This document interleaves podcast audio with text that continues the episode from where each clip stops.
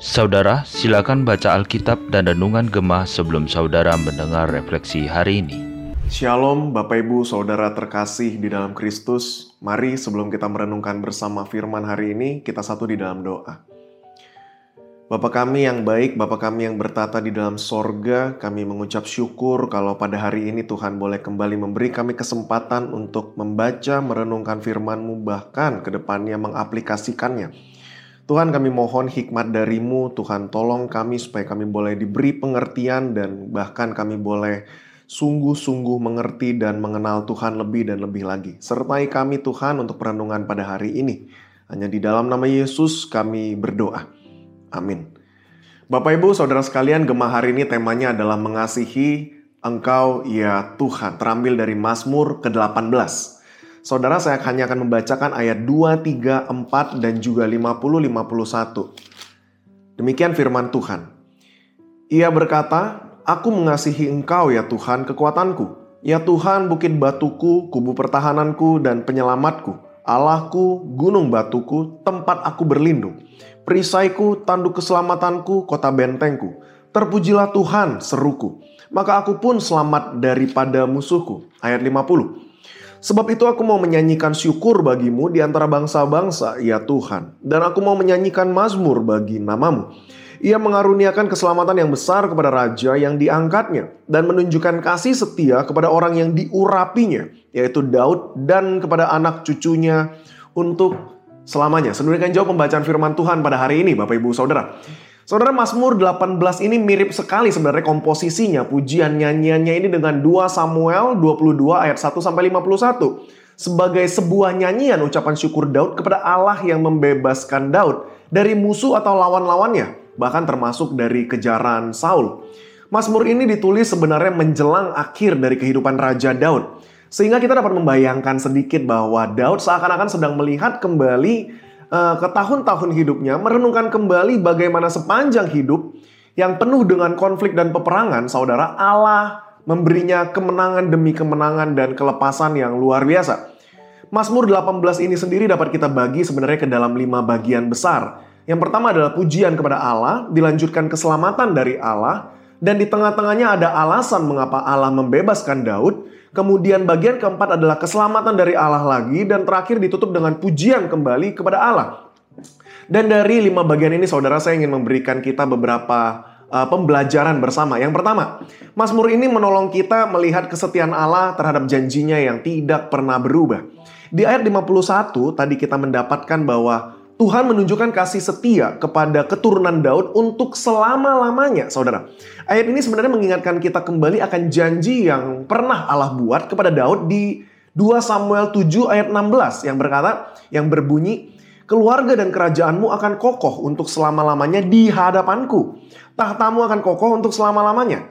Dan janji Allah ini tidak berhenti hanya dalam kehidupan Daud saat itu. Jika kita membaca perjanjian baru, maka kita tahu keturunan yang kokoh untuk selama-lamanya ini merujuk kepada satu pribadi yaitu Yesus yang adalah keturunan Daud. Yang akan memerintah untuk selama-lamanya bukan hanya untuk orang Israel, tetapi atas semua bangsa di bumi.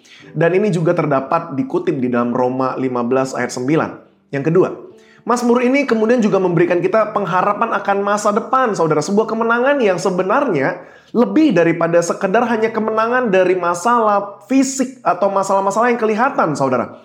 Bahwa Yesus Kristus telah memberikan kita kemenangan yang lebih besar daripada uh, masalah sehari-hari, yaitu kemenangan atas kuasa dosa dan maut bahwa kita adalah orang-orang yang telah dimerdekakan dari perbukaan dosa dan hari ini kita telah menjadi hamba kebenaran. Yang ketiga, Raja Daud kalau kita perhatikan di ayat-ayat pertama, kedua, ketiga, kita melihat dia membuka Mazmur ini dengan satu kalimat, Aku mengasihi engkau, ya Tuhan kekuatanku. Ya Tuhan, bukit batuku, kubu pertahananku, penyelamatku, gunung batu, dan seterusnya, saudara.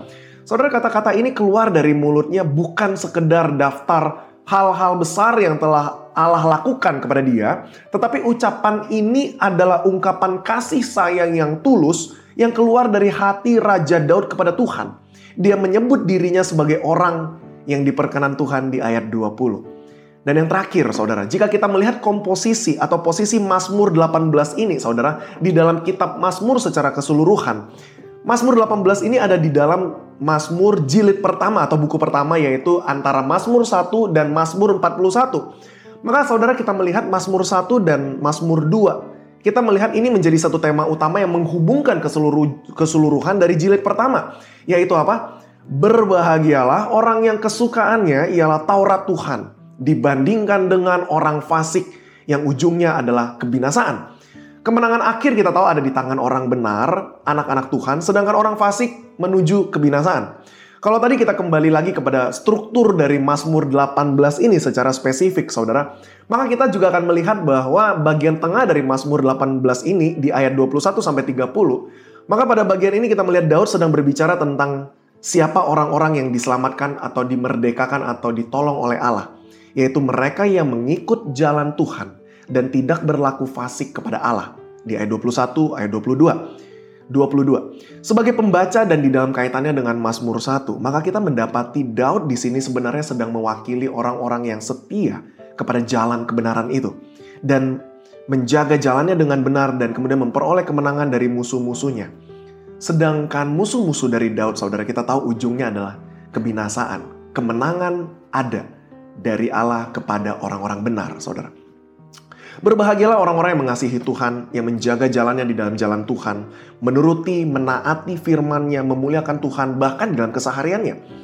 Hanya ketika kita melakukan hal-hal inilah maka kita dapat disebut sebagai orang-orang yang mengasihi Tuhan. Orang-orang yang serius mengasihi Tuhan dan mencarinya. Dan hanya ketika kita mengasihi Tuhanlah, saudara, maka kita dapat melihat bahwa Tuhan sebenarnya tidak pernah sekalipun meninggalkan kita bahkan dalam situasi tersulit dalam kehidupan kita. Dan dari sanalah kita maka dapat memuji Tuhan di dalam kondisi apa pun. Amin. Kita berdoa, saudara. Bapak kami yang bertata dalam sorga, mengucap syukur untuk firman hari ini Mazmur 18 yang boleh mengajarkan kami bahwa Tuhan setia dalam kehidupan kami sebagai anak-anak Tuhan. Tolong kami untuk menjaga jalan kami tetap ada di jalan yang benar, mengikuti firman-Mu bukan hanya menjadi pendengar tapi juga pelaku firman. Tuhan tolong kami, kami rindu boleh terus mengasihi Tuhan dan Kau boleh temukan kami menjadi hamba yang baik dan setia. Hanya di dalam nama Yesus kami bersyukur untuk firman-Mu, kami berdoa. Amin. Tuhan memberkati Bapak Ibu Saudara sekalian.